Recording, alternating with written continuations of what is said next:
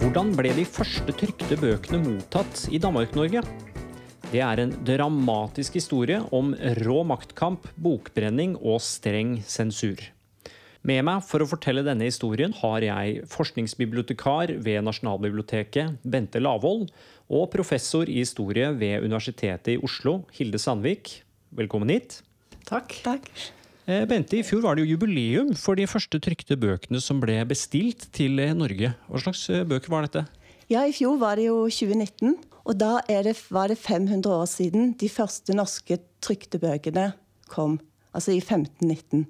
Og dette var liturgiske bøker. Det var en messebok som skulle brukes på sønn- og helligdager og festdager. Og den skulle ligge på alteret. Og så var det en, et breviarium. Det var en liten bok så alle prester skulle ha med seg når de gikk rundt i kirkene og hadde de åtte liksom, døgnlige tidebønnene.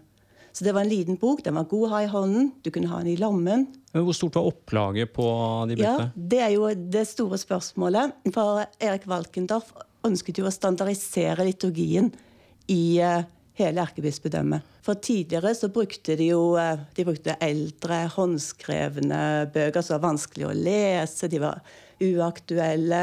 Gudene vet hvor de hadde fått de fra. Men de hadde mye rart. Men tilbake til hvor mange de var. For de alle skulle ha. Det skulle være en standard. En kontroll av liturgien. Og så er det et estimat, og dette er veldig et estimat, på 1500 kirker og av breviariet, den lille håndboken som prestene skulle gå rundt med å ha i hånden, da måtte de ha flere. Mange kirker var det mange flere prester, så da måtte alle ha hver sin.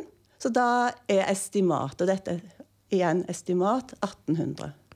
Jeg tenker For oss eh, i dag så tenker vi liksom på 1800 bøker virker jo ikke som veldig eh, fantastisk eh, antall.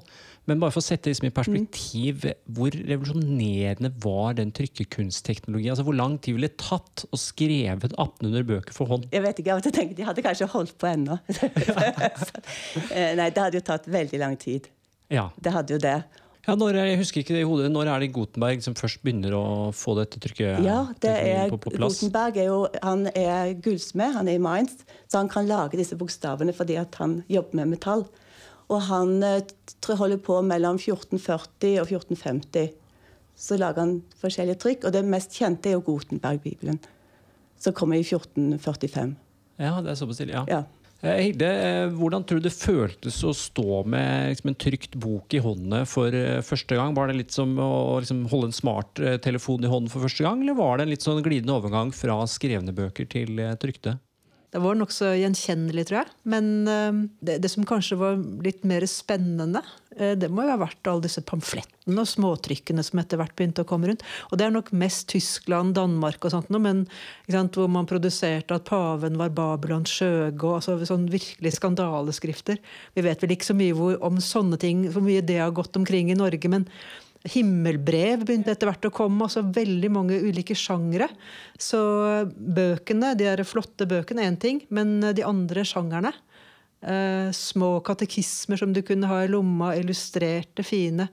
Ja, det har vært eh, en stor eh, eh, altså et stort spekter av bøker. Kanskje det, er, kanskje det er noe av det aller viktigste med trykkekunsten fra et sånt eh, hva skal vi si, allment sosialhistorisk perspektiv. Da. Mm. Mm. Jeg tenker også på at for både Trykkekunsten ga jo Kirken en mulighet til å standardisere, men den åpnet jo virkelig for nye retninger som kunne produsere disse pamflettene og få ut sitt syn. For sammen med disse pamflettene, eller sammen med reformasjonen, så kommer jo en større interesse for folkespråkene. Vil si altså tysk i Tyskland og norrønt eller norsk i Norge. Eh, så da ble jo, det ble oversettelser. Og da er det jo veldig sånn som Martin Luther i Tyskland gjør, i Wittenberg. der Han før, og han skriver disse her 95 tesene som han setter på kirkedøren i Wittenberg i 1517. som på en måte er bruddet med kirken. Og han fortsetter jo med dette her å lage pamfletter. Og han skriver på tysk. Og han skriver et tysk som er veldig lett å skjønne for vanlige folk. Han skriver direkte, og han bruker ord som er kjente. For eksempel, han oversetter jo òg bibler. Og det han gjør når han, skal, når han forteller om slangen, som alle kjenner i Edens hage, denne slangen, så kaller han han huggormen. Ja. Her, ikke sant? Huggormen, det er et ord jeg kan kjenne igjen. Ha. Den onde huggormen. Så igjen da blir djevelen i Johannes' åpenbaring. Ja, for Det er jo en forutsetning som man kanskje glemmer litt når man snakker om eh, bøker og andre trykksaker, er jo at folk kan lese. Hvordan var det med lese- og skriveegenskapene i Norge på 1500- og 1600-tallet? Ja, Det er veldig vanskelig å svare sånn absolutt på det. Um, og alle vet jo at det skjedde noe stort på 1700-tallet, hvor man fikk mer sånn en forsøk på å lage en allmueskole. Hvor man skulle ha uh, opplæring for alle barn, slik at de kunne skjønne hva de ga konfirmasjonsløftet sitt på. Men uh, man vet fra 1500- og 1600-tallet at det var mange barn som lærte å lese. Og klart, alle disse flotte bøkene som kom med trykte, der var det jo eh, prester og kannikere og, og, elever ved katedralskolen som kunne ta dem imot med en gang. Og de kunne jo lese, de hadde jo lært seg latin. Men uh, utover på Så finner man ja, man finner det liksom nevnt i mange sammenhenger. Absalon Pedersen Beyer i Bergen han setter sin lille Susanne i skole. Hun er sju år, går til en kvinnelig lærer da, og skal lære sin ABC. Uh, og det er i 1571. Ja. Ikke sant? Og, og, man vet at på 1600-tallet i Bergen så ble det satt i gang masse navigasjonsskoler, og i Trondheim også, for at man skulle lære sjømannskap og aritmetikk. Og, altså, da måtte du skjønne, bruke ganske mange tekster.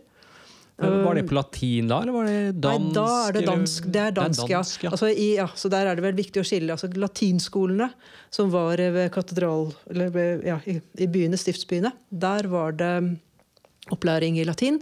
Men så har det også vært eh, skoler noen steder som man har kunnet sette borgerbarn til. Men det aller vanligste er nok at man har fått privat opplæring eh, hjemme hos noen. Noen ganger har det vært mødrene som har kunnet lære barna tid til å sette seg ned og lære dem litt ABC. Men, eh, men det er primært at det er privat, og at det er litt tilfeldig og eventuelt veldig instrumentelt. Altså at du vil lære barna dine å, um, å bli gode navigatører eller sjømenn. Mm. Jeg tenkte også, Der er jo opplæring i religion i hjemmene. Sånn Charlotte Affel har jo sett på forholdene i Danmark, og ser, ser, har jo sett der at ut på 16, utover på 1600-tallet så er, det, så er leseferdigheten ganske god etter hvert, iallfall i byene. Der er det, 1650 så er det i hver husstand så er det en som kan lese i byene og én av tre husstander på landet. Dette er jo grove tall, men det viser jo at det er en del leseferdighet. Og, det er jo, og på disse skolene som Hilde snakker om, i hjemmene, så er jo òg jentene med. De ble òg lært opp til å lese. Og der er, på slutten av 1600-tallet så sier vel iallfall at det er like mange jenter og gutter som kan lese. Og de leser jo trykt skrift. De kan som regel ikke lese håndskrift, men de kan lese trykte bokstaver. Mm. Det, de første bøkene som ble stilt Norge, var jo katolske. Eh, men i 1536-37, da ble det slutt på katolske bestillinger av bøker til Norge. Ja. Da kommer kirkeordinansen, eh, som eh, raskt sier det at eh, Jeg må nesten sitere, for det er så Nå tar jeg det litt på litt oversatt dansk, da.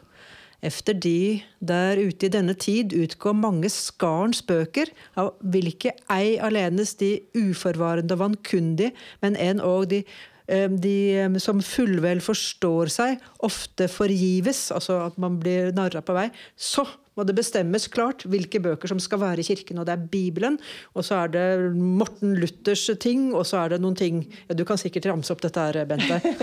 ja, for altså, På enkelte steder på kontinentet så er jo reformasjonen en sånn grasrotbevegelse, hvor man benytter seg av bøker og liksom sprer tekster og sånn på, fra grasrota, litt sånn i Martin Luthers ånd. Her kommer den til Norge med krigsskip. Ja. Reformasjonen. Rett og slett. Ja. For det, men fortell en story for de som ikke kan den. Da er det altså danske kongen. Ja. Kristian 3. Han, han, er blitt, han, er til stede på um, Riksdagen i Worms og, og, hører Luther. Der Luther sier at uh, jeg, jeg, kan ikke annet, og det er troen alene. Og så er han overbevist lutheraner. Så han går veldig sterkt inn for at han altså, han, er, han er lutheraner. Han vil at Danmark skal bli protestantisk. Og uh, når Riksrådet, som egentlig har suvereniteten altså i Danmark, skjønner at tronpretendenten er eh, lutheraner, så vil ikke de eh, gjennomføre kongevalget. Og så blir det en borgerkrig i tre år i Danmark. og Da styrer Norge seg sjøl litt på egen hånd og prøver å lage mange andre allianser, bl.a. med keiseren. som er, ja. Men, men, i hvert fall enden på det blir at Kristian 3. seirer fengsler biskopene i Danmark. Lager et riksråd som det er bare med han og adelige. Og eh, gjennomfører da reformasjonen i Danmark. Og så han med, sender han krigsskip oppover til Norge. Og Olav Engelbrektsson, som har vært erkebiskopen her og leda Riksrådet, og hatt valgt suvereniteten i Norge, eh, flykter. Mm. Så det, det reformasjon blir innført med, med makt? Med makt. Ja. Og også fordi at det, sant, det er laget så stort eh, en sånn slik slags revolusjon fra ovenifra. Når du ikke har fotfolk, da må du så klart gjøre det litt eh, pragmatisk. Så derfor blir alle biskopene omskolert eller avsatt. Og alle prestene får lov å fortsette i embetene. Men kongen tar da rett og slett all den jorda som hørt til kirka, og slår under seg. Og så må liksom noe av det så klart brukes til å holde kirker og sånt ved like. Men, eh, men eh, resten går til han. Så han ble eiende over halvparten av jorda i Norge, eier nå kongen. Ja, også, Men han rana vel en del av de ulike klostrene og sånn. Det ble mye som ble revet. Hvordan gikk det her utover bøkene? vet jeg? Ja, det vet vi kanskje ikke så mye om hva han gjorde med bøkene. Han tok jo og ranet nonneseter i Bergen f.eks. Det var, vakte stor oppstandelse. Men vi vet jo at de brant bøker. Ja. Det sier jo kilden at de gjør. Og det som en har sett i Nidaros, det er jo at det har gått gjennom opptegnelser, senere opptegnelser over hva de hadde for noe. Og der har de jo sett at det, det mangler en del bøker der som burde ha vært der. Og det er litt betenkelig, for det som mangles, det er bøker på latin som handler om Norge. Altså Norge før reformasjonen, da Norge var et selvstendig land. De vangler, og òg norrøne bøker om Norge. Og det er jo litt mistenkelig. Ja, At man da prøvde å ta ut det som kanskje kunne være en sånn norsk det identitet? Av, det var noe ja. av strategien her. På en måte Det Oldenborg-kongene gjorde. De ville på en måte ta den norske arve, eller kongerekken og føre over på seg selv. Ja. Sånn at arverekkefølgen gikk rett fra de norske kongene til oldenborgerne. Ah. Det er på en måte det er seierherrene som eier historien her. Så det er òg et kupp av Norges stolte historie. Og de tar jo òg Magnus Lagerbøters landslov. Den tar de jo og gjør om til Kristian 4.s lov. Norske lovbok som kommer ja, ja 1604. 1604. Ja. Så de tar og kupper en del av det som var bra i Norge. Og de gjør jo noe av det samme på Island, med skriftene der. Men eh, Vi hørte om den eh, eh, lovgivningen her hvor man ikke likte de ulike bøkene. Hva ble liksom den offisielle bokpolitikken eh, etter 1537? Hvem var det som fikk lov å trykke hva? Ja, Det bestemmes veldig raskt at um, bøker skal da gjennom sensur. Og det blir Universitetet i København som får oppgaven å sensurere. Og det er forhåndssensur? Forhåndssensur. Mm. mm. Og så er det bokhandlerne. De er da de som har privileg. Men uh, likevel, da. Så en ting er jo uh, lover. Det er jo alltid normer. Og man skal jo alltid se på om det faktisk kan ha sirkulert flere ting enn det. Og det har det nok gjort. Antagelig har det vært bokhandlere som har dratt rundt. Man har sett av skiftene etter geistlige at de har hatt mange bøker fra mange andre land rundt omkring i verden. Så det har jo kommet bøker til Norge på forskjellig vis. Og mange av de boksamlingene har jo også blitt realisert. Altså, en grunn til at jeg veit om dem, er at de har blitt solgt for å um, ja, at arvingene skal ha inntekter. Og det betyr at noen har kjøpt de bøkene, så de bøkene har blitt spredt rundt omkring. Så, så, derfor så må man jo tenke at uh, det kan ha vært flere, flere veier inn. da. Mm. Og vi skal kanskje også legge til at uh, um, Oslo-humanistene, altså humanistene som vi pleier å kalle dem, altså disse lærde rundt ved katedralskolene, uh, de uh, skriver så klart bøkene sine på latin, men også norske kongesagaer og sånt på rim da, for skoleunger. Og de gir dem ut i Rostock. Så det er ikke alle bøker som blir gitt ut um, i København. Ja. Mm, ja. Så er det enklere å få ting gjennom i Tyskland Tyskland, Rostock, enn det er i København? Er det et strengt sensurregime som er altså, Danmark i København? Danmark er nok eh, sterkt eh, Ja, eller det, måten man kom seg unna den, den katolske kirkens indeks. Eh, forskjellige sensurregimer i tyske forskjellige stater. Tyskland er jo 300 forskjellige stater det er jo at du trykker en bok i en stat, og så selger du den i en annen der det er forbudt. Så du driver og flytter den fram og tilbake over grensa, og noen ganger er det bokbål, og man kan bli fengsla for det. Og det er liksom det å leve under sensur. Men, eh, men det at man har um, prøvd å benytte seg av muligheten til å trykke andre steder, da, det er nokså sikkert. Mm. Luther vil jo ha Bibelen til folket. Var det politikken til Kristian 3. også? Ja. Den skal, den skal, jo da ut til alle. Eh, men eh, der, der, er det jo veldig interessant nettopp at den kommer på dansk. ikke sant? Fordi at uh, I Finland så får du en på finsk, i Sverige en på svensk, i Tyskland på tysk, så klart. Danmark på dansk og islandsk på islandsk. Men i Norge på dansk. Og det betyr at vi får ingen normering av det norske, norske skriftspråket. Og det er eh, i tillegg til at eh, all administrasjon i Norge forsvinner, altså si, enhetlig administrasjon forsvinner når erkebiskopen forsvinner, så blir på en måte eh, administrasjonen over Norge den blir lagt til København. Og dermed blir dansk også administrasjonsspråket. Så dette er også det store tapet for det norske språkets utvikling. Ja, det fantes et norsk skriftspråk på ja, der er det jo alltid den der mellomnorske språkforvirringa. Eh, men den lider jo alle land av. slik at det som skjer med når biblene kommer, er jo det at man også får en normering og en standardisering. For svensk har jo vært minst like sånn mellomskandinavisk forvirra. Hvis man ser på skriftbildet i, i svensk 1400-tall, så er det like forvirra som det man finner i, i norske argument. Men altså, vi har som standard i alle kontrakter og alt slikt, uh, som all, alle monnum dem ser eller høyre, dette er brev. Ikke sant? Det er åpningsformularet selv langt ut på 1600-tallet. Så mm. ja. Mm. Mm, ja. Jeg tenkte tilbake igjen til disse to 15-19-bøkene. I breviariet, altså den prestehåndboken, så er faktisk én side som er skrevet med norrønt eller norsk. Og det er en gammel liste fra biskop Jon fra 1200-tallet over helligdager. Så de av en eller annen grunn har satt inn. Eh, så det er jo en veldig, veldig veldig morsom ting. Men jeg skulle også si i forhold til Biblene at eh, på de første bibeloversettelsene som kommer inn i Danmark og, og Sverige, så er det på en måte et språk som er veldig solid og lett å forstå. Så de blir veldig viktige for språkutviklingen fremover. Det kommer for i Danmark så kommer den mektige biskopen Resen. Og han utgjør, oversetter Bibelen på nytt med et sånt veldig kronglete språk som ingen egentlig liker og ingen skjønner. Og selv om han har liksom all makt omtrent, så trumfer denne her gamle oversettelsen fra Luther. Mm. Fordi de er så lette og gode å lese og forstå. Eh, altså, den første norske trykkpressa den ble oppretta i Kristiania i 1643 eh, med kongens eh, tillatelse. For tillatelse, det skulle man ha. Var det relativt eh, sent i nordvesteuropeisk eh, sammenheng? Ja, det er kjempeseint. Og det er bare så vidt den eksisterer. Altså, den, den, får en tillatelse ved, ved katedralskolen, er det ikke det? Også, ja, Hannibal C-sted ja. foran ja. på Akershus. Så det, det, er jo sent. Det er sent når en tenker på en måte at det ble trykket bøker på Island i 1540. Wow, ja, ja ikke sant? Men når de får trykket det i 1643 i Norge, så er det jo et poeng at Norge Eller det er jo ikke Norge, det er Kristiania.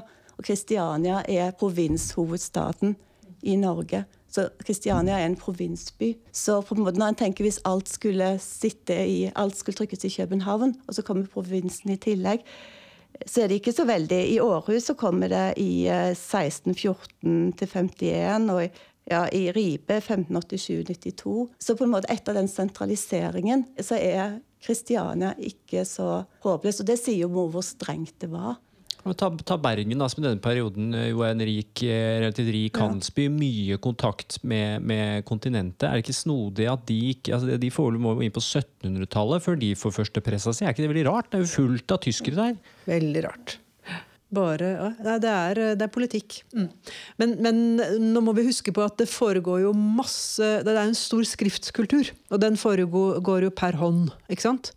Eh, fordi at eh, alle det, Fra den tida er, fortsetter jo den store, stolte tradisjonen fra middelalderen, eh, som er at du har kjøpekontrakter, pantebrev, arveskifter, dommer, lagmannsdommer, og folk har tatt vare på det, fått utskrift av tingboka, eller fått utskrift av dommene, og tatt vare på det i brevkister. Og i tingbøkene så kan man fra 1600-tallet og så er det massevis av det, hvor folk, naboer kommer med hver sine brev, og så holder de opp mot hverandre og 'Nei, mitt brev er eldre enn ditt', og 'ser dette er flere vitner', og sånn. Og dommerne stå, må stå der og ta stilling til det. Så det er en, det er en stor sånn skriftkultur hvor de skriftfester uh, veldig viktige ting altså, som dreier seg rett om ja, næringsgrunnlag og produksjonsmidlene og retten til gårdene og beiter og fjellvann og skauer og fiskeplasser og jeg vet ikke hva. Mm, nei, det er jo kanskje fort gjort å glemme når vi snakker om liksom, trykte ja. skrivesaker. sånn at skri, altså den, ja. Folk fortsatte å skrive for hånd. Ja, og det kanskje i volum så var det nesten viktigere fortsatt. Da, og, der, og det nettopp fordi at det er så viktig. Og tenk på det, så kunne, De jo, de hadde jo sånn landskyld. Alle kunne brøk. Det er jo sånn kvarte lauper og sekstendelsbrøker, og hvor mange det er i forhold til en fjortendels hud og jeg vet ikke hva. Nei, kanskje ikke en sekstendels hud, men iallfall skikkelig vanskelig brøkregning. Og, og dette her er kjempeviktig. Eh, for det inngår i alle mulige transaksjoner. Så, og det ser en, at folk har beherska dette her og prøvd å lure hverandre. Og, ja, så det, det, å kunne det har vært veldig viktig. Så det er helt opplagt at det har vært et behov både for å kunne lese og regne og for å kunne lese skrift, og at det har vært et veldig stort sånn maktmiddel òg. Så det er nok en av grunnene, i tillegg til den religiøse og frelsa og alt det som har vært liksom, Hvorfor lære opp barna til det? Eh, men altså, ok, Så vi fikk ikke noe sånn uh, stor egen egen trykkeribransje her i Norge eh, på 1500-1600-tallet, men var det likevel liksom en relativt god sirkulasjon av eh, bøker? Vi var innom det litt ja. i sted, men eh, Jeg tenkte på det i forhold til Bergen. for I Bergen var det jo trolig faste bokhandler allerede fra 1500-tallet.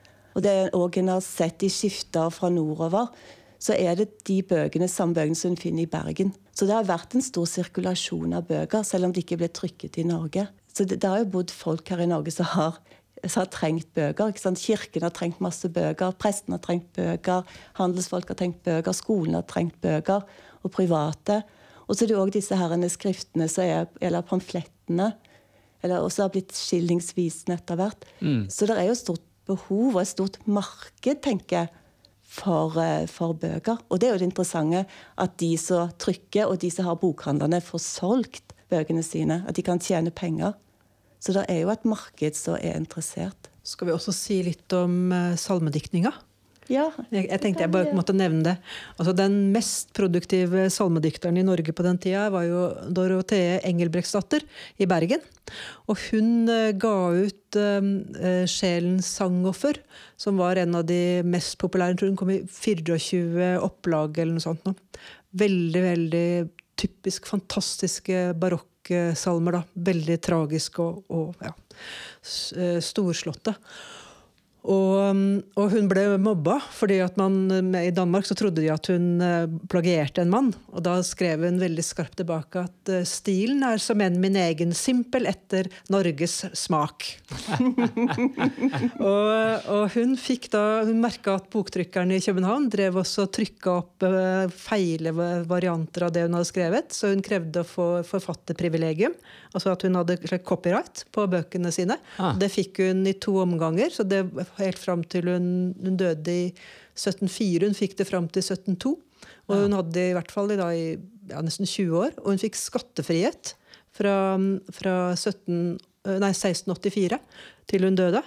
Og hun var jo også enke på den tida hun skrev disse salmene. Og skikkelig produktiv. Får man noen aviser og sånn? Kommer det på 1600-tallet? De kommer litt seinere, på 1700-tallet. Iallfall i Norge. Så disse pamflettene er på en måte sånn foregangsting. Men de var vel interessert i nyheter også på, på den tiden? Hvordan holdt de seg oppdatert på ting og tang som skjedde nedover på kontinentet? Det er rykter veldig mye. Og så er det uh, prestene som forkynner dette fra prekestolen. For det er en veldig sånn offisiell variant også. 'Nå har vi seiret, Gud er med oss', sånne ting. Uh, og det kommer under sjuårskrigen på, altså mot Sverige på, på 1570-tallet også. Men, men uh, men du har helt rett. altså I, i tyske områdene masse aviser. Og er, nå har man virkelig begynt å Man kan digitalisere disse, eller har digitalisert disse avisene. Så nå går det an å lese for alle som klarer å lese sånn, forskjellige varianter av tysk. Eh, fra 1600-tallet. Og der er det um, informasjon og desinformasjon en masse. Og det handler om tsaren og sultanen og alle mulige som skal komme. og kalver som med to hoder, og det er ikke måte på. Og disse avisene har man også fått tak i og blitt spredt rundt oppover til Danmark og dermed uh, sjøveien da, også til Norge. Så Derfor så har man fått også de tyske avisene opp til oss. Men der har det vært mye av det. Og Alton og Hamburg har da vært to sånne steder hvor det har virkelig nyhetspressen har gått. Mm. Og de har hatt korrespondenter eller noen som har sendt dem opplysninger i de forskjellige by, eh, hovedstedene rundt omkring. Så de kan skandalene som har skjedd ved hoffene rundt omkring. Ja, Det er veldig interessant. Men det kom litt seint til Norge, altså. Men veldig sent til Ja. Norge. Mm. Ja, det var vel så seint som i 1805 så hadde vel Norge bare fire relativt små trykkerier. Eh, Er det mulig å si at den gotenbergske revolusjonen gikk Norge litt eh, hus forbi? Jeg, jeg tenker ikke det, selv om det ikke ble trykket så mye i Norge. Så var vi jo en del av den sirkulasjonen av bøker i Europa. Vi var jo på en slags litterære verdensborgere her òg, selv om ikke så mye trygt. Men vi hadde jo Bøkene kom til oss. Og vi brukte jo de danske og bøker fra Tyskland og fra veldig mange steder. Og sånn som Hilde sier, vi fikk til og med pamflettene oppover her. Fordi vi har jo en, en lang kyst, og vi er et folk på en måte som ser utover. Så derfor fikk vi en del. Så vi kan ikke si at vi ikke ble del av den, selv om vi ikke trykket selv. Det syns jeg absolutt ikke vi Men kanskje noe av det viktigste, da, det er noe av det vi har vært inne på når det gjelder for Norge og norsk kultur, så har du det med skriftspråket vårt. Og det og der ser en også hvor veldig betydningsfull det trykkekulturen er. Og hvor viktig det er med normering for å få til at et skriftspråk eh, liksom setter seg. Og det er jo det på en måte Jeg tenker at alle disse ungene som på en måte lærte utenat katekismene og det danske språket Det må jo ha liksom trygt prentet seg inn i dem, og måten å snakke på. Det er, det er ganske solid påvirkning. Derfor syns jeg bare sånn avslutningsvis da, det er så fint at noen ord overlevde. Kyndilsmess, for Lysmesse ikke sant? Det er i begynnelsen av februar. Den, det snakker de om langt utover på 1700-tallet, tidligere til på 1800-tallet. Så noen sånne ord har overlevd. Heldigvis. Men det er jo ting som overlever òg i forhold til, ja, til helt andre med helgener. På 1800-tallet i Tanum kirke så ber de jo de gravide til Maria. Så det er jo på en måte en kontinuitet i det som lever på tross. Eh, Hva var liksom de viktigste effektene av det trykte ordet i Norge på 1500- og 1600-tallet? Utover dette med, med at dansk ble tredd nedover hunden på oss. Og det er vel på samme måte som vi ser mediers påvirkning i dag. hvordan det standard, eller det, det, ja, det lærer oss hvordan vi skal oppføre oss. Omgangsformer, hvordan vi smiler, agerer. Alle mulige sånne ting lærer vi av mediene. Um, her gjelder det vel kanskje da særlig skriftspråket og ja, måten man ordlegger seg på. Kanskje også noe av, eh, av sjangerbevisstheten. At det er lov å skrive sånn i den sjangeren og sånn i den andre sjangeren. Men så er det så klart det der med at, eh, at det blir tilgang til det skriftlige for mange, mange flere å se, å se ulike typer skrifter. Og at det kommer biblioteker og leseforeninger. Og det er klart det at det der har betydd veldig mye. ja. Ja, At en får tilgang til det mangfoldet som finnes og i, ikke bare i Danmark, i det nære utlandet, men òg i Europa. At vi får rett og slett det. At det, kan ligge på en måte hjemme på pulten din eller ved sengen din. At du kan ta det. At det så, blir så alminneliggjort. Ja, så en analogi er jo kanskje det å, at på sett og vis når man fikk tilgang og lærte seg å lese og fikk, ble koblet på disse eh, bokuniverset, at det er litt som å bli kobla på internett. At du får tilgang til masse informasjon, ideer eh, og underholdning eh, som man ikke er koblet til, ikke var koblet til eh, tidligere. da. Felles referanser eh, på en veldig, veldig interessant måte. Man kommuniserer med bilder. altså alle eh, jeg har vært tatt studenter med ned til Bente på, eller på Nasjonalbiblioteket, og hun viser dem f.eks. hvordan tegninga av, eh, av Noah kan da illustrere veldig godt eh, Noah som ligger drukken, og to av sønnene vender seg bort fordi at de ikke skal avsløre farens skam, men en står og ler av han. Det illustrerer det fjerde budet. Ja, det gjør det. Du skal hete din far og din mor uansett. Liksom. Samme hvor, samme hvor dårlig og skrøpelig hun er, det skriver eh, Luther sjøl i forklaringa til det fjerde budet. Ja. Hilde Sandvik, Bente Lavoll, tusen takk skal dere ha. Du lyttet til serien Medienes stemmer og maktens sensur, produsert av Norgeshistorie ved Universitetet i Oslo. Mitt navn er Anders Brenna, og ansvarlig for denne serien er Ellen Katrin Lund.